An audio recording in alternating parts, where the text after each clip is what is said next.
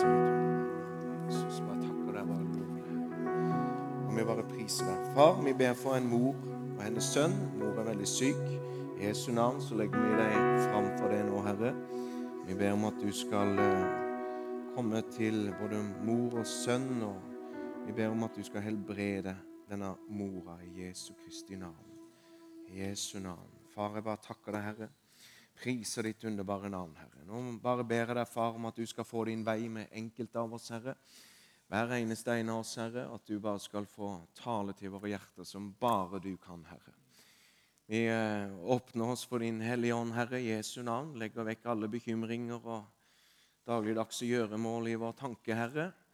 Rydder vei for å ta imot ditt ord i kveld, Herre.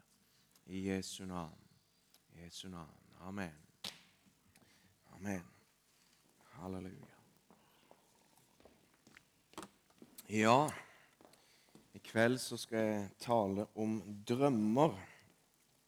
Jeg måtte annonsere det, så skriver jeg da på annonsering i, på Facebook at jeg kaller det tydedrømmer. fordi at skriver du drømmer, så tror jo kanskje folk at det er daglige drømmer eller visjonerende tanker for framtida. Så jeg måtte liksom bare være tydelig på at dette gjelder nattlige drømmer, de vi skal snakke om eller undervise litt om i kveld. Og der er det et, det er et oppkomme av, eh, av eh, ting å hente fra de som har med det å gjøre. sånn at jeg innser jo det at eh, man kommer aldri igjennom et så stort emne som det. Sånn at vi får bare touche litt. Og så passer sånt undervisning ofte i grupper der man kan stille spørsmål og sånne ting. Så jeg har valgt å legge det på et litt sånn vitnesbyrdsnivå, fordi at man kan lære veldig mye av andres erfaringer og opplevelser med Gud. Eh, sånn at eh, Jeg håper ikke det skal bli veldig sånn skjematisk og sånn punktlig undervisning, men at, at man kan kjenne seg igjen i noe av det som jeg deler fra mitt eget liv. Så eh, det er jo sånn at man nå må jeg se på klokka, for at jeg har funnet ut at jeg kommer aldri gjennom den lista mi her, så jeg må bare stoppe etter 40 minutter eller noe sånt. Så jeg får bare, Da er det stopp. Da er det slutt. ja. Så Det er jo sånn at vi sover jo eh, bort en tredjedel av livet vårt. Så når et menneske fyller 60 år, så har du eh, til sammen sovet i 20 år. Det er jo lite oppløftende å tenke på det, at man sover vekk sumanatta. Så, så, det er jo en del av livet, sånn som Gud har skapt det, at man, eh, man skal sove og hvile. Spesielt mennesker som er veldig opptatt av effektivitet og oppnår sine mål og sine drømmer. De skulle jo ønske at det ikke var noe som fantes søvn, men at man kunne bare gå Eh, hele tida. Da eh, kunne du liksom ha dobla årsinntekta hvis du kunne ha jobba nattskift i tillegg. Så det hadde jo vært, eh, det hadde vært mange fordeler med det. Men Gud har nå gjort det sånn og skapt oss mennesker at vi må sove om natta. Og når vi sover om natta, så kverner jo sjelen vår, tankelivet vårt, kverner jo og fordøyer og, og, spinner rundt alle inntrykk som vi har fått den dagen. Ting som har gjort inntrykk på oss, og ting som ikke har gjort inntrykk på oss, men som bare kommer opp og dveler i, i tankelivet vårt. Og stort sett så er det bare tull og vas, det vi drømmer om om nøttene. betyr ingen verdens ting. Og eh, noen ganger, Jeg liker jo humoristiske drømmer, jeg, da, vet du, så jeg har hatt noen av dem en gang. Eh, det var ikke drømmer fra Gud, altså, men da drømte jeg f.eks. at eh, vi satt rundt, Det var så koselig, det var julaften, og vi satt rundt et langbord og dekka sånn gammel, tradisjonsrik jul fra bondelandet. vet du, og, og til slutt vet du, så så reiste jeg meg og skulle liksom annonsere mandelen i grøten. da, vet du, Den som finner mandelen i grøten, skal, skal liksom vinne marsipangrisen. da. Men istedenfor mandelen så annonserte jeg 'den som finner fiskekroken i, i grøten'.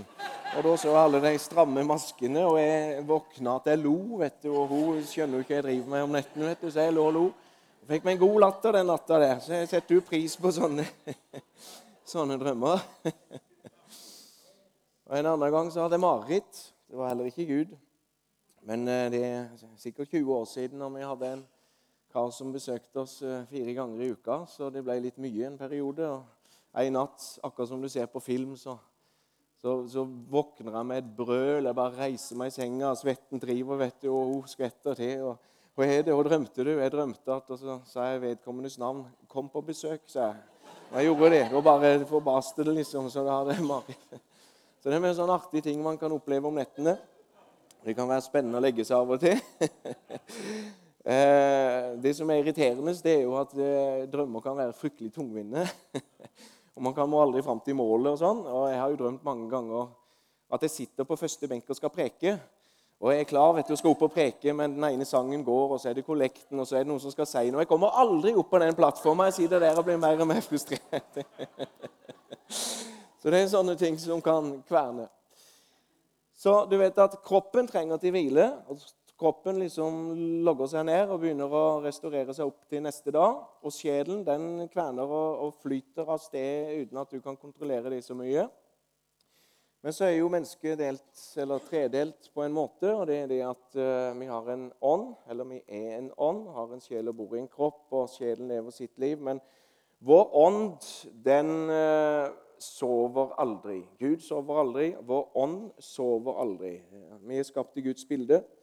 Uh, og vår ånd har fem sanser, akkurat som vårt fysiske legeme eller kropp har fem sanser så kan vår ånd høre. Den som har øre, han hører hva Ånden sier til menighetene. og Ånden kan også se inn i åndsverden. Ånden kan til og med lukte og føle og kjenne, smake og si at Herren er god osv. Så, videre. så vår ånd er utrusta akkurat som vår fysiske kropp, og, og den sover ikke. Så, sånn sett så er det forferdelig å gå fortapt, fordi at eh, det vil være smerte i fortapelsen. Selv om ikke det er kjøtt som er der, så er det ånd, og ånden har samme type følelsesregister og sanser som vårt fysiske vesen. Sånn at når du sover om natta, så, så er det sånn at din ånd våker og er tilgjengelig for Guds tiltale inn i ditt liv. Eh, en av de enkleste måtene for Gud å tale til et menneske, det er å gjøre det om natta fordi at vi er så opptatt om dagen. Det er så mye som bombarderer vårt sinn at når vi liksom er lagt i koma, holdt jeg på å si, når vi er liksom kobla ut, så kan han få komme til og så tale inn i vår ånd. Ofte så, så Man kan jo anbefale å ha skriveblokk på nattbordet. Det gjør jo ikke jeg, men jeg skyndte meg å skrive ned de drømmene jeg får. Fordi at jeg merker i min ånd når jeg får en drøm fra Gud, jeg merker det med min åndelige sans at her er det noe, selv om jeg ikke forstår drømmen der og da, kanskje. så skriver jeg ned den drømmen. Ofte så får jeg tydninger på den, eller den er selvforklarende der og da. Eller så skriver jeg den ned selv om jeg ikke skjønner den, og så kommer tydningen på det eh, en god stund etterpå. Det kan gå år, og det kan gå måneder, men, men jeg skriver det ned, og så har jeg en profetisk dagbok der jeg skriver ned tiltaler ifra Gud. Fordi at jeg glemmer veldig mye, og jeg har en backup og det at jeg forteller alle mine åndelige opplevelser til Eva. Og så går det noen år, og så sier Ja, det var jo den gangen du sa det og gjorde det. Ja, nei, det kan ikke huske noen ting av. Eh, sånn at jeg har hun som backup, og så har jeg da begynt å skrive ned drømmene mine på dato, fordi at det er et mønster i det som Herren leder meg til, og der Herren taler. I Apostlenes gjerninger, som jeg var innleda med, så står det i kapittel 2, vers 17-18.: Det skal skje de siste dager, sier Gud. Da vil jeg utgyde av min ånd over all kjød. Deres sønner og deres døtre skal tale profetiske ord. Deres unge menn skal se syner, og de gamle blant dere skal ha drømmer. Selv over mine treller og trellkvinner vil jeg i de dager utgyde av min ånd, og de skal tale profetiske ord, står der. Så Der står det at unge menn skal se syner, og gamle menn skal ha drømmer. Det går om i en annen for at unge menn kan ha drømmer og, og vice versa. Men de kan tyde på at uh, en ungdom som er uerfaren i å ha en åndelig tydekarve for å si det sånn, og visdom til å grave opp gullet Det er jo sånn at uh, Gud han leker litt sånn hide and seek med oss av og til. at han Han, han skjuler det dyrebare. Han som gull er skjult i bakken, så må du grave etter det. Og Det er Guds sak å skjule en sak, og så er det kongens ære å granske en sak, står det i Salomos ordspråk. Sånn at uh, Gud gir oss av og til uh, drømmer som han vil at vi skal grunne på og tyde og finne betydningen av. Og I Bibelen så har vi hele spekteret der at det fins drømmer der en engel kommer og bare gir et budskap, og det er ingenting å tyde. Akkurat sånn som Josef, mannen til Maria, som, som får to drømmer på rappen der. at at uh, du må ta Jesus, flykte til Egypt, for Herodes etter han, og Så flykter han til Egypt, og så får han en ny drøm at nå kan du komme tilbake igjen. Og Det er ikke noen ting å tyde, det er bare sånn plain ut. Um, han forstår der og da hva drømmen betyr. Og Så er det da andre drømmer som må tydes. Og Da kan det være veldig lurt å kunne litt av Guds type språk, som står i Bibelen. Fra første Mosebok til Johannes' åpenbaring. Jesus var veldig opptatt av å forklare ting når han underviste, og det brukte han å gjøre i dagligdagse settinger som mennesker kunne forstå. Han snakka om korn og bygg og, og bønder og såkorn og, og høst og, og, vær og vind. Og han, han, brukte den type språk og, og, ting som folk kunne identifisere seg med den gangen.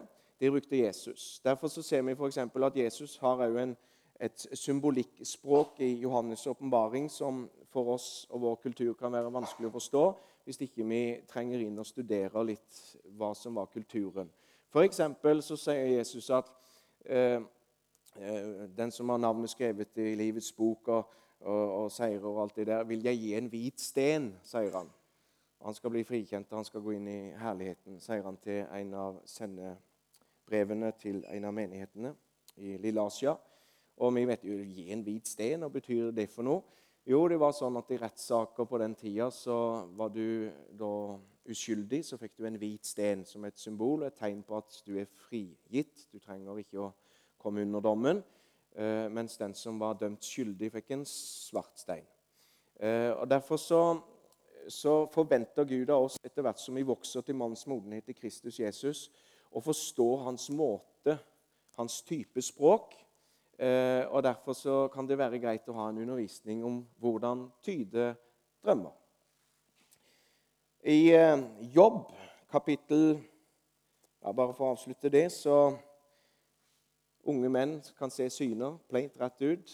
Gamle menn har drømmer, kanskje fordi at de har mer, mer visdom til å tyde og skjelne, forstå hva som er i den drømmen.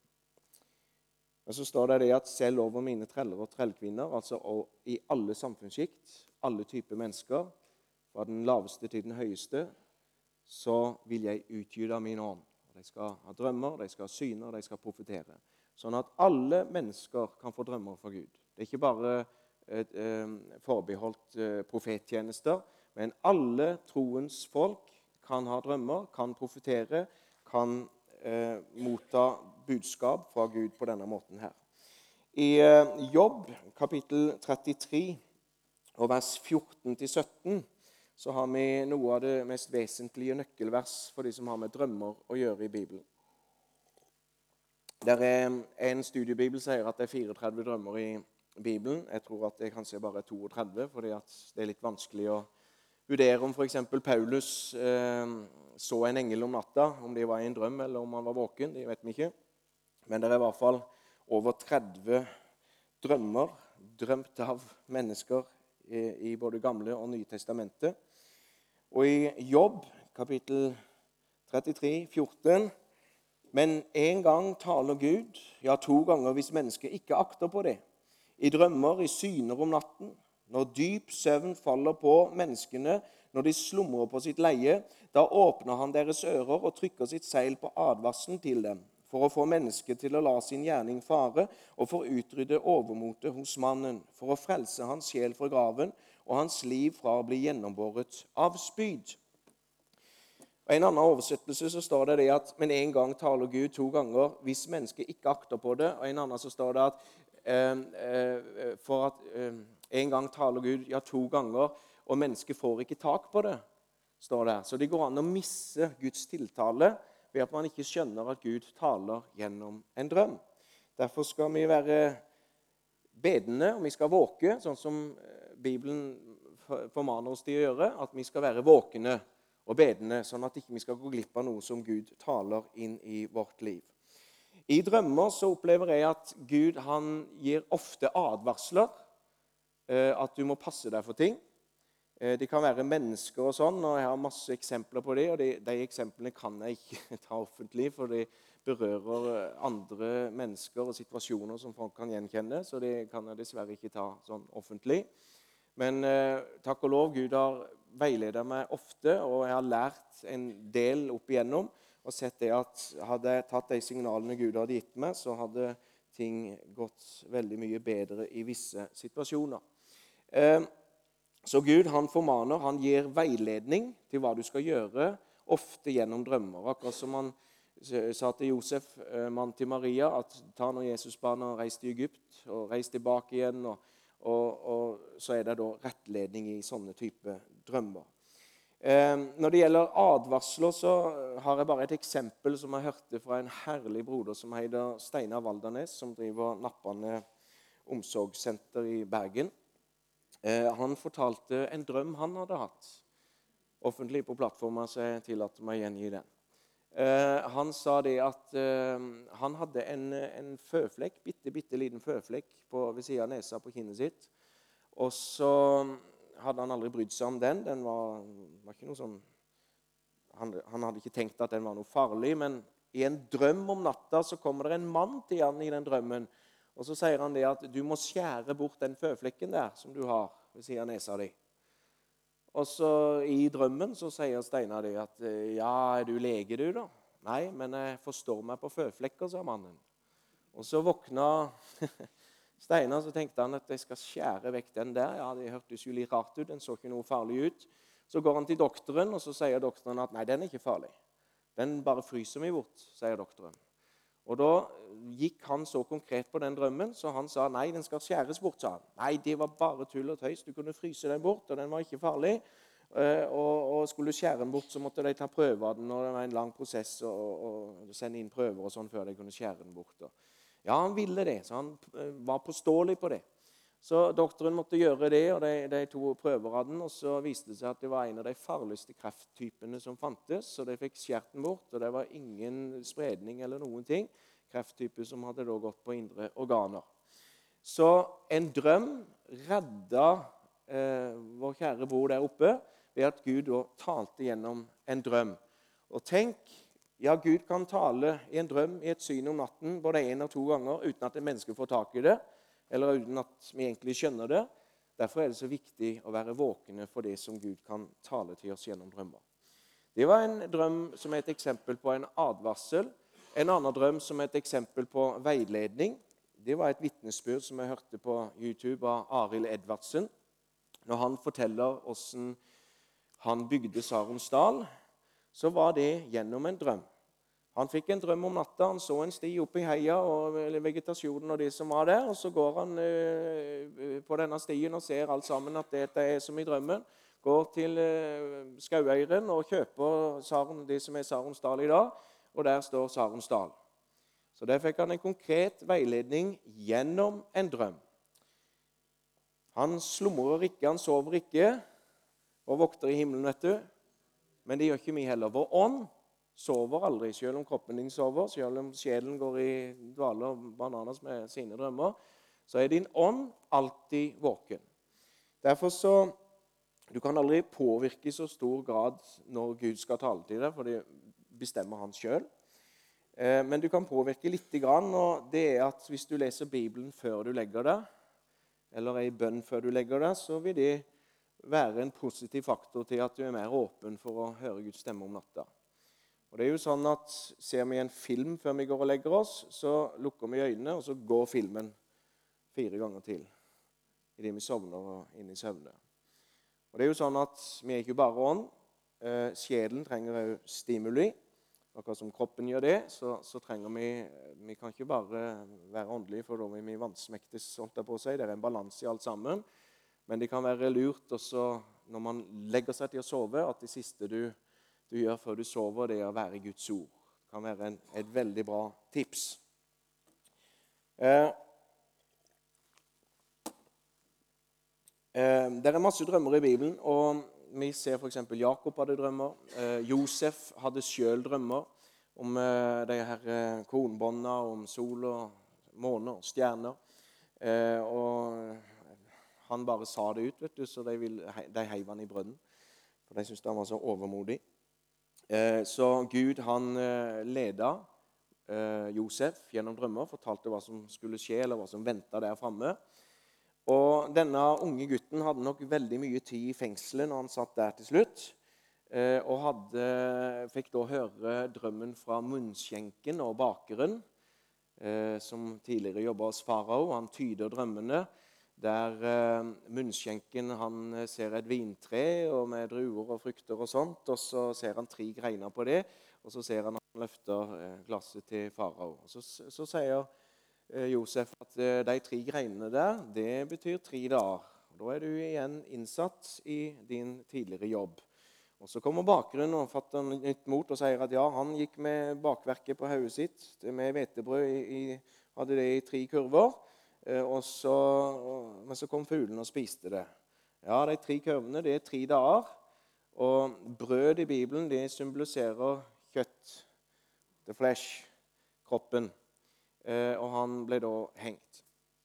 Eh, og så har sikkert Josef mye tid i fengselet, for at når han tyder faros drøm, så bare tar han det sånn der og da. Dette er drømmen, og så begynner han å tyde. Og det var en enkel drøm. Igjen så går det et tall igjen, og det var sju kuer eh, ganger to. Og så var det eh, kornaksa ganger to, sju. Og det var sju år som de representerte. Og når en drøm er to ganger, samme betydningen i to forskjellige varianter, så sier Josef at da står en sak fast, og det skal skje med hast. Da har Gud fast beslutta at dette skal skje. Og Noen ganger så får jeg en drøm to ganger med forskjellige vinklinger, men det er samme budskapet. Og da er det akkurat som Jesus sier i Nytestamentet. Sannelig, sannelig, sier jeg dere. Av og til sier han sannelig, men av og til så sier han 'sannelig, sannelig'. Og Det er fordi at han stadfester at på to eller tre vitners utsagn så skal et, en sak stå fast. Sånn at et ord for livet ditt som er talt to ganger eller mer, da er det fast beslutta. Det er ingen mulighet for å komme unna det, men det kommer til å skje. Så har du en drøm to ganger, så er det Guds måte å si at han er veldig tydelig på det. Ehm, når det gjelder tall, farger, retning, himmelretninger, rom og plassering, så er det viktig i drømmer for hvordan man skal tyde det. Det er jo sånn at Man kan til en viss grad lage en mal eh, for, for Guds type språk. Og det er at Man kan studere alle de 30 drømmene som fins i Bibelen hvordan Gud taler, hvordan Jesus utretter sine lignelser, hvordan Salomos ordspråk eh, er utmalt for oss, eh, så kan man lære seg at man ser tydelig at det finnes et mønster i hvordan Gud taler. Eh, og Dette er sånn profetføde. De som har profetembete, de, de studerer og gransker dette her til fingerspissene. fordi at det er ikke en tøddel av Guds ord som får gå. Det er altså alt er så tima så tilrettelagt. Det er, det er ingen tilfeldigheter i Guds ord. Sånn at når du ser et visst mønster mer enn to eller tre ganger i Guds ord, så er det en måte Gud taler på, som han vil tale til oss den dag i dag.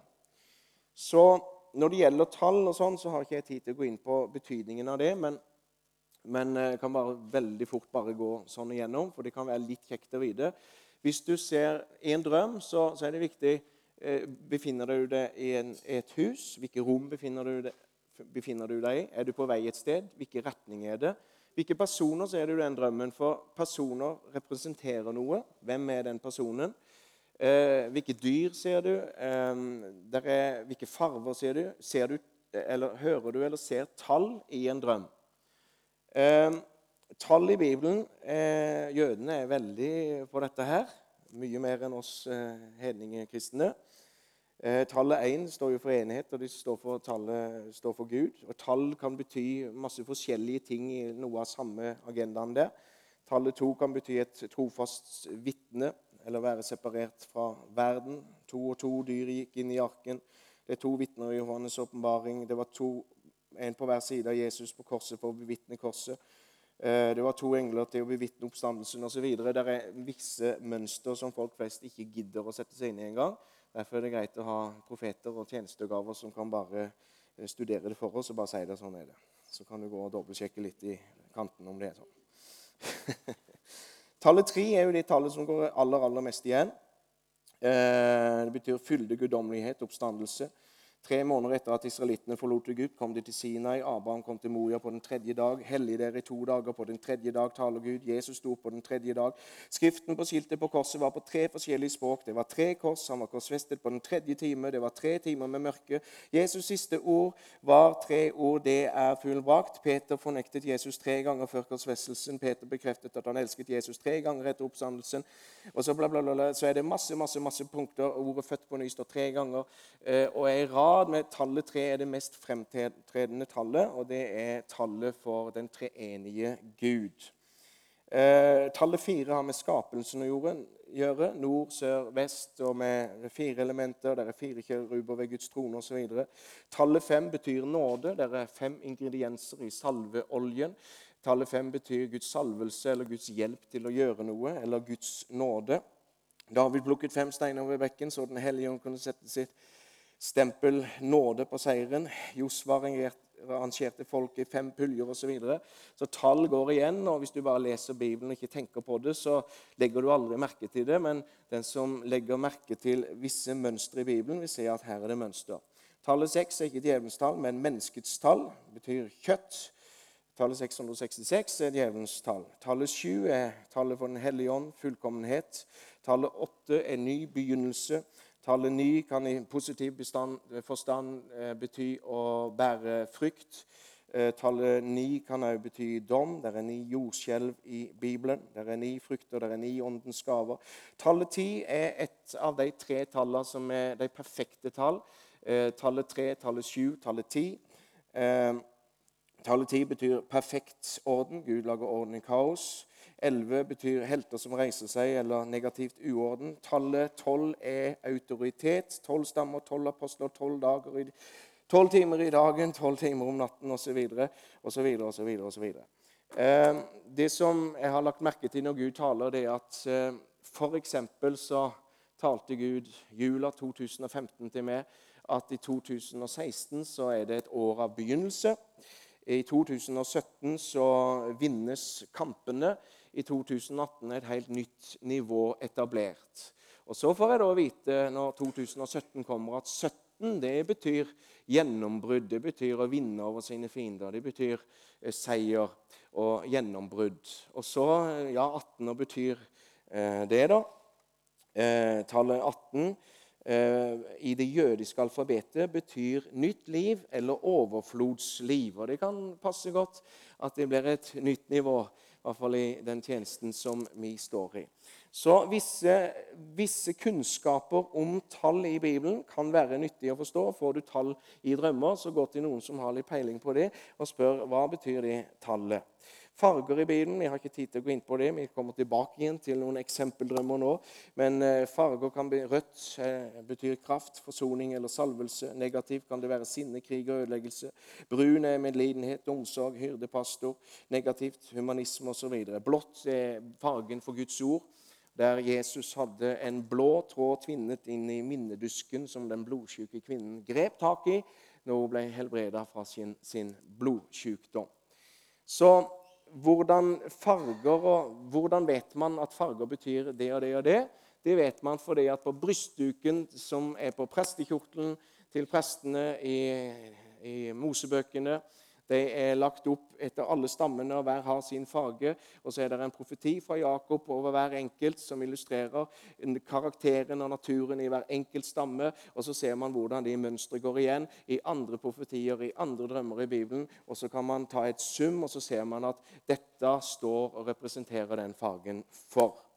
Det skal man ikke bli altfor opphengt av, fordi at Gud taler igjennom et språk som man vet at vi kan forstå. Og det er jeg veldig glad for. Så nå skal vi gå litt tilbake igjen til eksempeldrømmer. Ja, tida flyr, men vi har tid til litt til. Eh, eh, det som, som, går igjen i de drømmer som jeg har, det er det at når jeg kjører bil En bil betyr som regel i min situasjon Ting kan være individuelt. Vi kan aldri si absolutt at sånn er det. Det er Den hellige ånd som tyder. For eksempel så Hunder generelt sett det betyr noe negativt. Drømmer du om hunder, så er det negativt.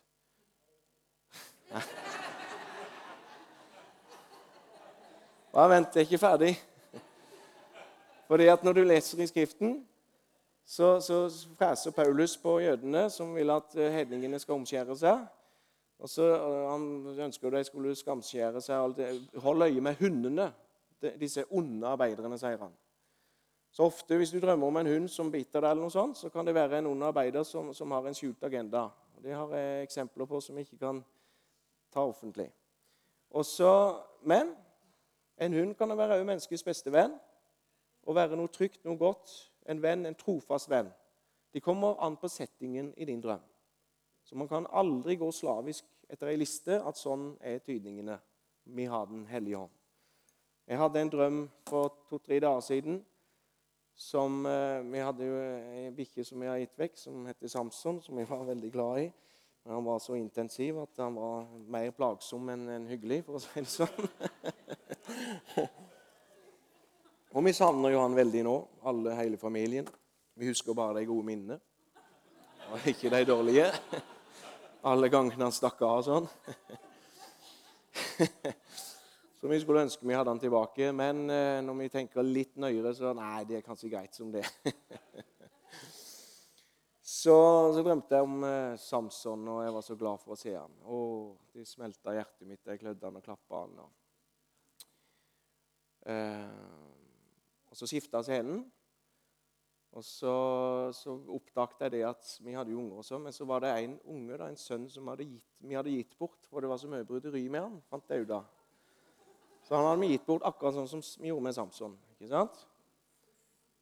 Og, jeg, er det vi har gjort? Så jeg liksom fant ut av dette i drømmen. Da jeg sa ja, det var så mye sjau, sa Eva. Nå har vi det enklere. Og jeg, jeg var jo helt himmelfallen. Og er det du snakker om? Og jeg fikk bare sånn en sorg. Har vi gitt vekk en av våre?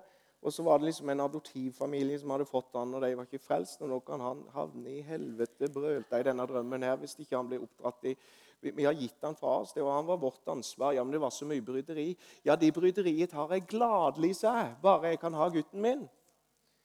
Og så talte Gud gjennom det veldig sterkt til meg om å bevare de som blir frelst det å ta, legge armene rundt alle som, som, vi har i nettverket. fordi at Jeg har vært en evangelist til denne dag, men så får vi masse folk. Vi har 60 eh, i teamet vårt som er fordelt utover i landet. Og alle trenger å bli fulgt opp. Alle trenger å være inkludert og kjenne hjertevarmen. Sånn at Gud taler gjennom det at nå må du ta fram litt mer av hyrdesalvelsen.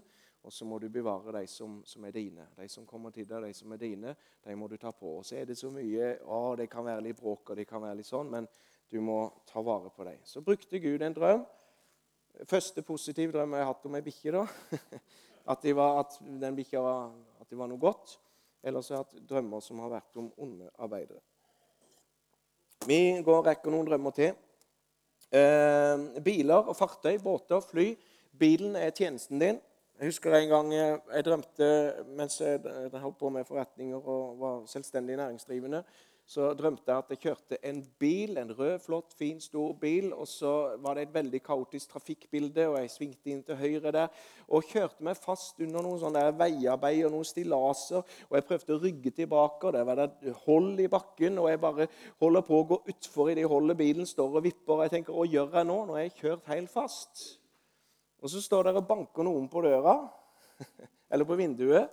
En flokk med damer og noen menn og sånn. Og i spissen der så jeg tør si det her, så var det Inger-Britt Håbø.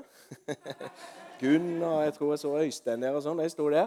Og Så fikk de meg ut av denne bilen, og så skifta seden, og så sykla jeg i nydelige, rolige omstendigheter i annen gate. Det var en kveld, og det var rolig og fredfullt, og på hver side så bugna det med korver med frukt. og Det var masse frukt på hver side, og det var så skjønt og det var så godt å sykle der.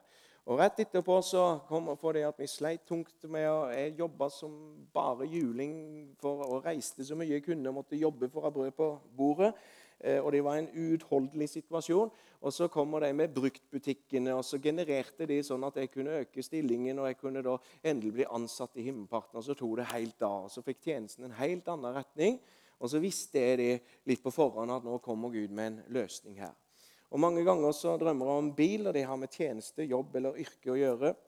En annen gang så kom jeg flygende fra eh, Jommers, holdt jeg på å si, og så skulle jeg til, hjem til Rissland. og Vi som kjenner terrenget her, vi vet at vi må kjøre Mjølusletta og sånn, og så opp igjen. Men i luftlinje så er det jo rake veien fra Jommers og så rett over til, til Tveitdal eller Rissland. Veldig kjapt. Så jeg kjøpte min bil der, og så er det som bare noe å løfte meg. og så det er mye kjappere å bare fly over her. Så blir jeg løfta opp, og så flyr jeg som en ørn, og så bang, så er jeg hjemme. Og så kjenner jeg min ånd fordi at jeg har Guds ånd. Alle som har Guds ånd, det er Guds barn. Drives av Guds ånd. Og så kjente jeg det at jeg kjører min bil, jeg kjører min tjeneste, og jeg må ta en lang omvei for å komme til målet mitt. Men med Guds nåde og Guds hjelp så tar han meg over fjellet der, og så er jeg mye fortere ved mitt mål.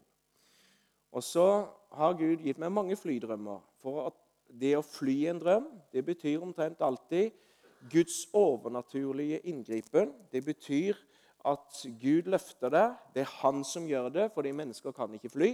Vi klarer ikke det i egen kraft. Så det er det Gud som må gjøre. Så han løfter meg der. En annen gang, så, For noen år siden så hadde jeg en drøm. I, i, eh, jeg var her i Misjonskirka, sånn, og det er en god stund siden. da. Eh, og jeg putla i vei med mitt og, og var ikke den tjenesten som er i dag. Eh, og så, ser jeg det at eh, jeg går og leier på lille Maria, som var liten den gangen. Dattera mi. Og, så, og så, så, ser jeg det Hun kan fly. Hun flyr i lufta. Flyr så lett som bare det. Jeg tenker, hun kan fly, men jeg, jeg hoppa litt, jeg flydde litt og, og, og, dalte ned igjen og kjente mine 94 kilo. kan du si, og sånn, og, og opp i et, og Jeg holdt meg i lufta noen sekunder, og så dunk ned igjen. og hun fly, Jeg måtte nesten holde henne som en ballong der. vet du. Og så, Jeg vil òg fly, tenkte jeg. Og så så jeg rundt. Det var akkurat som jeg var i Halden med denne borgen og murene rundt der. Og så ser jeg det at, eh, så, så er det som Herren sier til meg i drømmen, at du må over de murene der. Det, det, det, er for inneklemt, det er for liten plass. Du må ha litt løpefart, sånn at du kan komme opp litt i fart. Og så kan du fly. Så nå måtte jeg over murene. for at jeg, jeg, Det er akkurat som du skal få en drage opp i lufta. vet Du Du kan ikke stå stille med den, du må løpe med den. Så, så, jeg fant ut jeg må bare over muren der, ut på jordene. Og så kommer jeg opp i fart, og da var det lettere å fly. Og så taler Gud og mater inn stadig at nå må du slippe tøylene litt her, og så må du trå litt ut på vannet, og så må du våge å fly. Og så har jeg hatt mange sånne flydrømmer. Den første drømmen min som jeg hadde, og jeg forsto ingenting, for da var jeg bare 18-19 år. Men jeg kjente i min ånd når jeg sto og vaska opp sånne kjøttbrett i kjøttdisken morgenen før butikken åpna så kjente jeg at det var noe med den drømmen. Jeg ante ikke hva det betydde. Og I den drømmen så fløy jeg igjen i lufta. Jeg dalte ned ved et stort, kraftig, bladgrønt tre som sto der. Så dalte jeg ned ved dets fot, og så begynte jeg å gå på en lysende sti med ildvegger rundt. og den sirkla seg henover, og jeg begynte å gå på denne stien. Og Så var det noe med denne drømmen, og hva kunne det bety? Og I årevis så ante jeg ikke. Jeg bare lagt den bak sånn. Men når jeg begynte å lære å forstå Guds type språk, så ser jeg det at trær i Bibelen det betyr ledere. Vi ser at Daniel han tolker eller tyder en drøm for kong Nebukadnesar. Og Kongen han drømmer om et stort tre med himmelens grener, og fuglene bor der, og dyrens, dyrene under der. Um, og Så skjønner han ikke noe av det, og så sier han at 'du er det treet', sier Daniel. Så ser vi igjen i Skriften at trær symboliserer ledere eller konger. Og så viste Gud meg den gangen og jeg skjønte det ikke, at jeg setter deg til å være en leder i Guds rike. Og i dag så er jeg leder av himmelpartner. Så har jeg en vei, og så brenner du på begge sider. og Det ser skummelt ut, men han har en vei gjennom alt sammen. Og så kunne jeg ha gått i en profet den gangen hvis det hadde fantes da. Så kunne jeg spurt Hva betyr den drømmen? Så kunne han ha sagt det, og så kunne jeg ha gjort mitt kall og min utvelgelse enda fastere, enda tidligere, og vite det at Gud har noe konkret for meg. Så det er ikke eh, ubetydelig det å vite hva som skjer i drømmer. Eh, jeg hadde òg en dåpsdrøm som ikke trengte å tydes. Den har, tydes. Den har jeg sagt her før. Så jeg tenkte at jeg gidder ikke bli voksendøpt eller tronestøpt. Jeg barnedøpt i forholdet. Og Så går jeg i et landskap, jeg kommer til et vann, og når jeg går ned i vannet, så ser jeg gravsteinen min, og jeg går ned og hauger under og kommer opp på den andre sida. Når jeg våkner da, så sier jeg at jeg er ikke dum heller. Gud, du vil at jeg skal døpe meg. Begraven med Kristus, oppreist med Kristus. Så da var det Jon Ultvedt som døpte meg der i den gamle kirka. Så det er takk og lov at Gud kan tale gjennom drømmer. Jeg skal ta litt til før vi går til ettermøtet. Gleder meg til ettermøtet. Halleluja. Fordi at uh, i ettermøtet uh, Når jeg skulle uh, Når Vidar spurte meg om å preke, så har jeg alltid murra litt på det. Det har vært gøy å ta litt om drømmer. Men det alle passa. Jeg kjente nei, det er ikke det. det er ikke det. Og så har Gud gitt meg andre budskap. Men denne gangen så kjente jeg jeg må ta det jeg spurte om jeg fikk lov. og sånn da. Så det får skylde på Vidar hvis dere syns dette går over. Liksom, hva er dette for noe, liksom? Men du vet at New Age de har jo liksom monopol på en måte på alt som har med drømmer og sånn spooky ting å gjøre. Og Det blir jo helt feil, for det er Guds folk som har fasiten på det. Det er vi som har Guds ord. Det er vi som har læren om, eh, om engler. Det er ikke Martha Louise som er fasiten på engler. Det er det Guds ord som er. Så Derfor så bør ikke vi være tilbakeholdne når det gjelder å undervise om eh, de som har med den åndelige verden å gjøre, de som har med engler. Det er en annen preken. Det er en veldig spennende preken. Kanskje vi kan ta den her en gang. om de som har med engler å gjøre, de som har med drømmer, syner, åpenbaringer, hvordan åndsverden fungerer, hvordan Guds språk er osv. Det er det ikke New Age som har eh, monopolet på. Det er Guds forsamling som har det. Så vi skal bare være tydelige på eh, hva som er sant og ikke sant, og hva som er forførende åndsmakter. Eh, tilbake til de som har med tre å gjøre. Jeg drømte gjennom seks trær som sto i veien opp til der jeg bor. Eh, og jeg så et nettverk av en vei i to etasjer imellom. Og jeg så traileren som vi har nå, eller lastebilen og noen andre trailere der. Og så så jeg retningen ned mot Europa. Og På den tida så hadde jeg veldig lite kontakter i Europa. Og da visste jeg at trær betyr ledere. Og jeg visste at det er mange veier Gud eh, arbeider nå opp et nettverk for meg med ledere. Ikke bare sånn anybody's i Europa, men sterke ledere. Og Nå har jeg eh, kontakt med tre sånne presidenter for The Church of God i både Serbia, Polen og Ungarn. Og så setter Gud meg sammen med ledere. Og Det viste han meg lang lang vei på forhånd at Gud han forbereder dette nettverket som vi trenger for å være effektiv i Europa. Så trær har med ledere å gjøre. Uh, det er så mange andre ting som ikke vi kan ta direkte uh, symbolikk på. Uh, en annen gang så drømte jeg om eh, at jeg sto på kjøkkenet i Osedalen der jeg vokste opp. I leiligheten der jeg vokste opp som gutt. Så ser jeg nedover jeg ser en scene som er som en hestekjerre. En stor scene. Metallscene. Og så ser jeg at denne scenen den skal på vei til Europa. Og så har jeg ansvaret for det. Og jeg står på kjøkkenet og legger merke til det. og så ser jeg det at det er seks ponnier som skal dra denne kjerra, men de er kobla til denne kjerra på sida av kjerra. Så de vingler av gårde vet du, og, kommer, prøver seg oppover mot Evje den veien. Og nei, nei, nei. Og så får jeg liksom gitt noen kommandoer utover, og så i skaret der i svingen eller etter rundkjøringa der, så går det jo i grøfta fordi at Ponniene er jo på sida av vogna. Og jeg tenker at nei, men, de må jo være foran vogna. Det er ikke rart de går i sida. De trekker jo alt sammen i grøfta.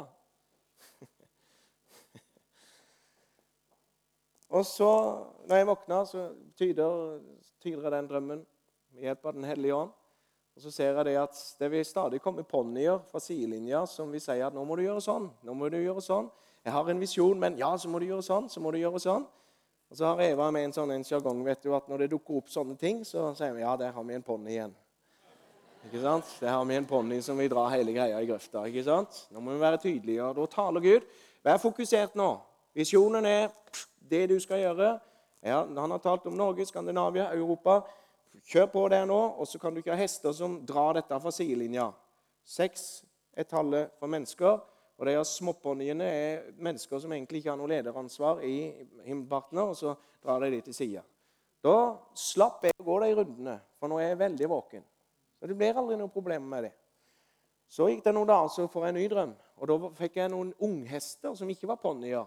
De var litt svake, litt sånn bleike. Men de kom, ble levert til meg oppe i Tona.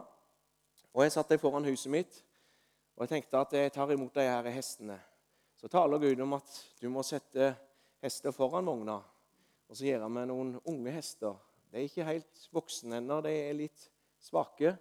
Men jeg skal fòre dem opp, jeg skal nære dem, jeg skal fostre dem, sånn at de kan dra hele sulamitten, evangeliet, ut i Europa. Og Så viser Gud meg at jeg må begynne å fostre mennesker ut i tjenesten. Når jeg sto på kjøkkenet, så er ikke det ubetydelig når jeg så de her seks ponniene som dro hele greia i grøfta. Står du på kjøkken i en drøm, så har det med mat å gjøre. Matlaging. Gud er veldig finurlig sånn. Da har det med åndelig mat, ordet, som skal ut i Europa. Og Står du i stue, så har du mer med det trivielle. Er du på soverommet, har du med at du ligger i senga di osv. Har med fred og ro å gjøre. Er du på badet der med rense seg, Eh, så har det betydning for hvor du er. Før Eva ble ansatt i Himmelpartner, så jobba hun og sto på i en vanlig butikk. Og Så får jeg en drøm igjen. Så ser jeg at Evas bil står i garasjen i drømmen. Den er parkert der, men så får hun nye dekk.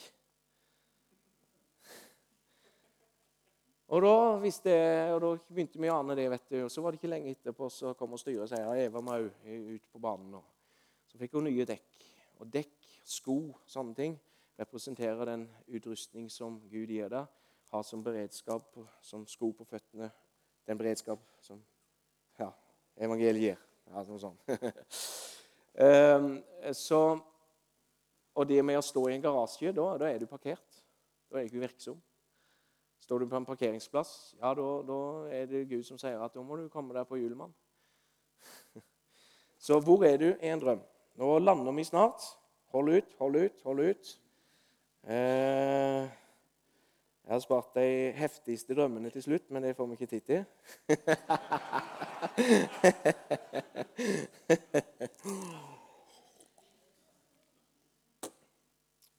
Så Ja, ja, vi kan kanskje ta noe av det, da. Men eh, vi går mot ettermøtet nå. Vi gjør det. Ja, vi skal gjøre det. Vi har talt i tre kvarter nå. Halleluja.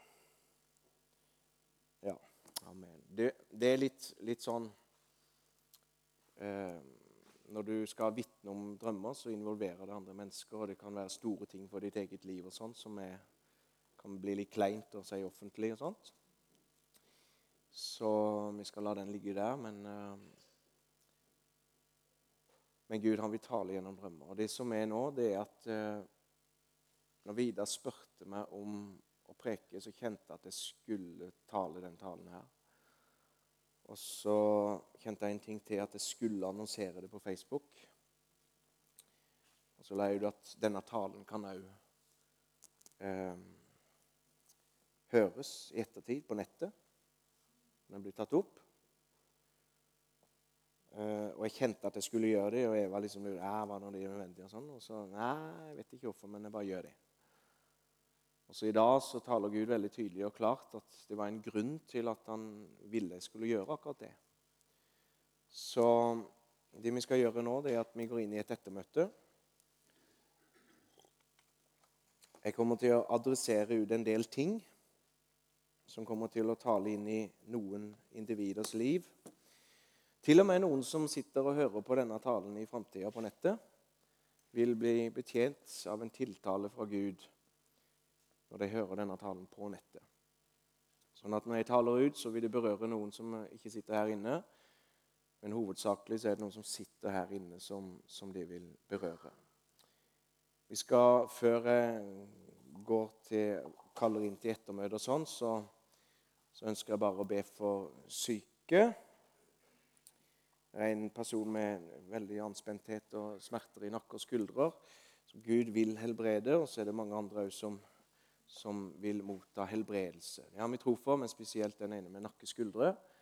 Um, bare sier det ut, sånn at du kan komme fram etterpå. Um, skal be en fellesbønn når det gjelder helbredelse, før vi tar alterkallet. Um, der er Det er noen som sliter med søvn her. Eh, nå er vi inne på drømmer og sånt, så, så, vi skal spesielt be for de som sliter med søvn.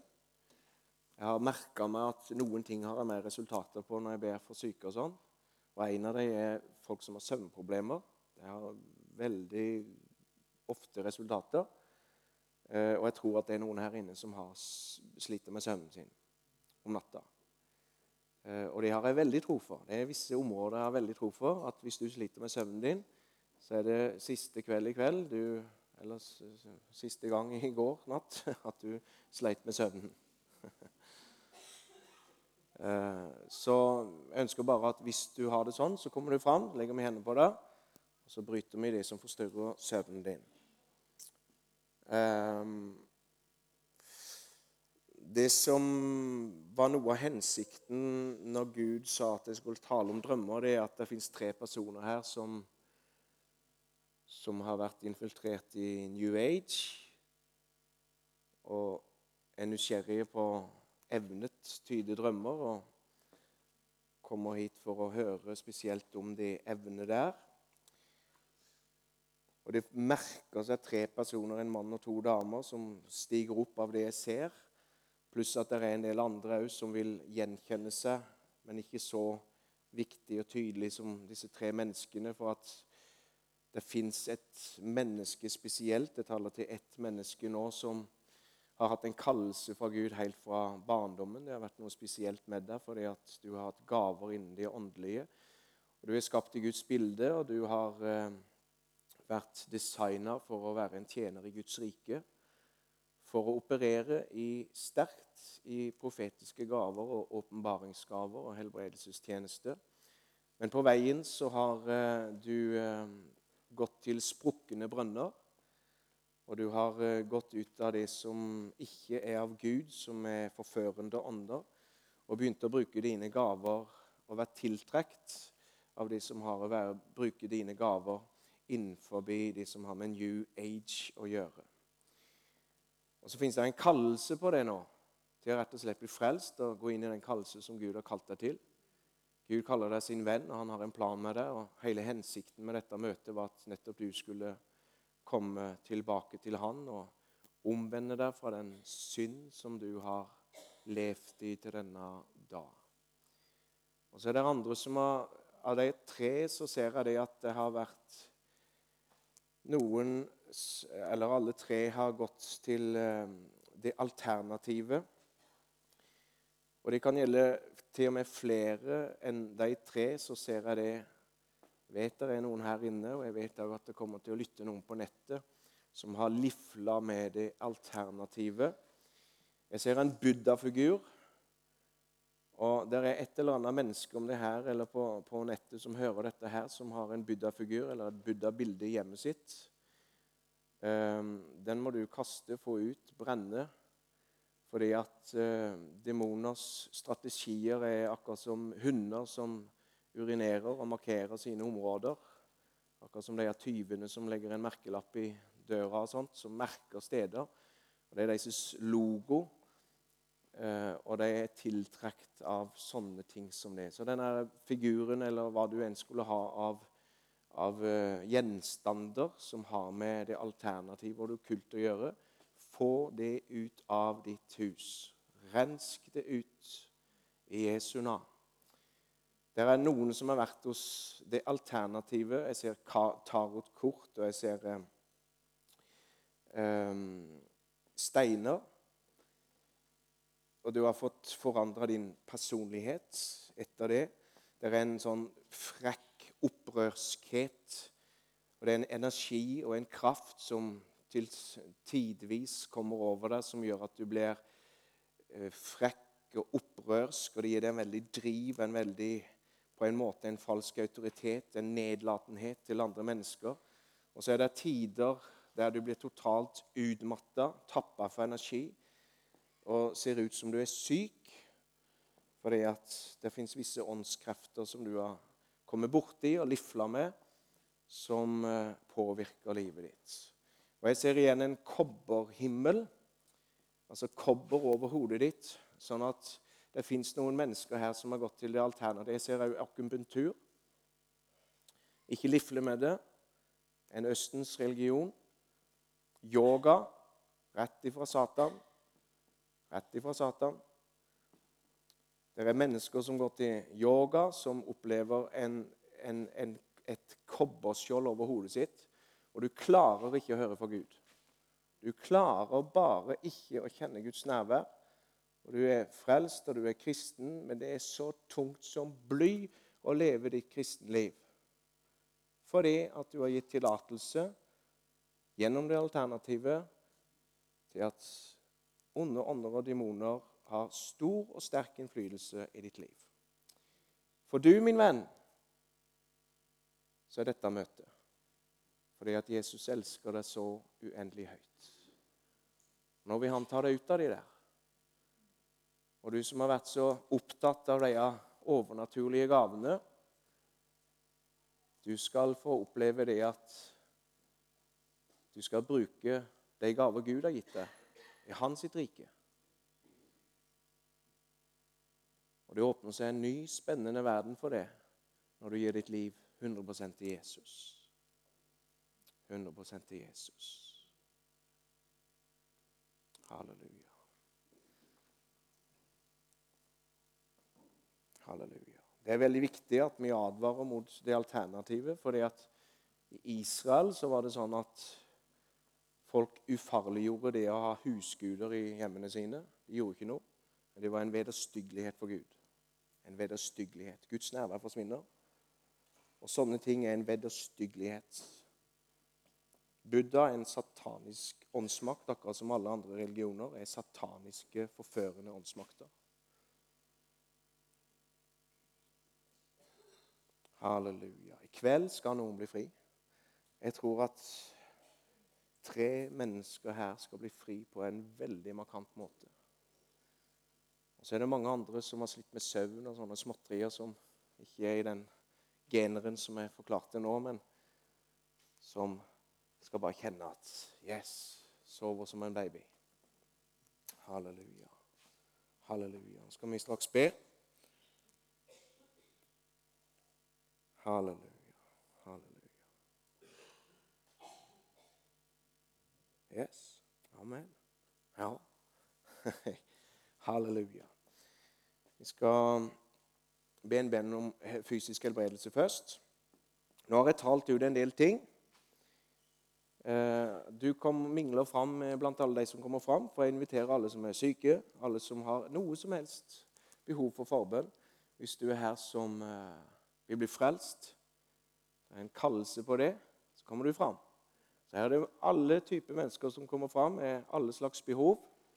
Og Vi kommer ikke til å brøle ut din situasjon, sånn at andre hører det. Men jeg bare advarer litt at eh, jeg blir veldig sinna på djevelen for at Gud salvet Jesus fra Nasaret med Den hellige ånd og kraft. Han som gikk omkring og gjorde vel, og helbredet alle dem som var underkuet av djevelen. Så når jeg ber for syke mennesker, så blir jeg så sinna over det, på den sykdommen. Jeg blir ikke sinna på det. Så Hvis det um, brøler til litt, vet du, så, så, så, er jeg veldig glad i det, men jeg er veldig sinna på sykdommen. Bare så du er forberedt på det. Halleluja. Kan du legge hendene på handa di på Hvis det er mulig, så legger du handa på det syke stedet eller på brystet ditt. Hvis det er mulig. Og så skal vi be en, en bønn om lege, da. Var du her bare mens vi er hodet og bøyd nå? Er du her som har den stive nakken og skuldrene der? Kan du Yes. Ja. Legg handa di på nakken nå. Jesu navn. I Jesu Kristi nasererendes navn så befaler jeg nakkesmerter å gå i Jesu navn. Jeg bare forløser Guds kraft inn i hver enkelt nakke nå. I Jesu navn. I Jesu navn. I Jesu navn. Og der flyter olje ned over din nakke over dine skuldre og løser i Jesu Kristi navn. Befaler hvert en ting som har påvirka, forårsaker det, bare slippe nå i Jesu navn. Jesu navn. Jesu navn. Kan ting ta litt tid og sånn, men er du her som kjente at noe skjedde akkurat her og nå, kan du bøye på hodet ditt. Ta, Flytt nakken, hodet fram og tilbake. Bøy det opp og ned. Beveg det litt. Ta deg ikke fram nå, men du kan bare gi et lite vink med handa. Kjente du at noe skjedde? Du bør ikke kjenne helt smertefri, men hvis du kjenner at noe skjer i nakken din, så bare gi et lite sånn vink. Og hvis det er like vondt, så kommer du fram, så skal vi be for deg. Jeg har tro for at noen skal bli helbredet spesielt for dette her. Halleluja.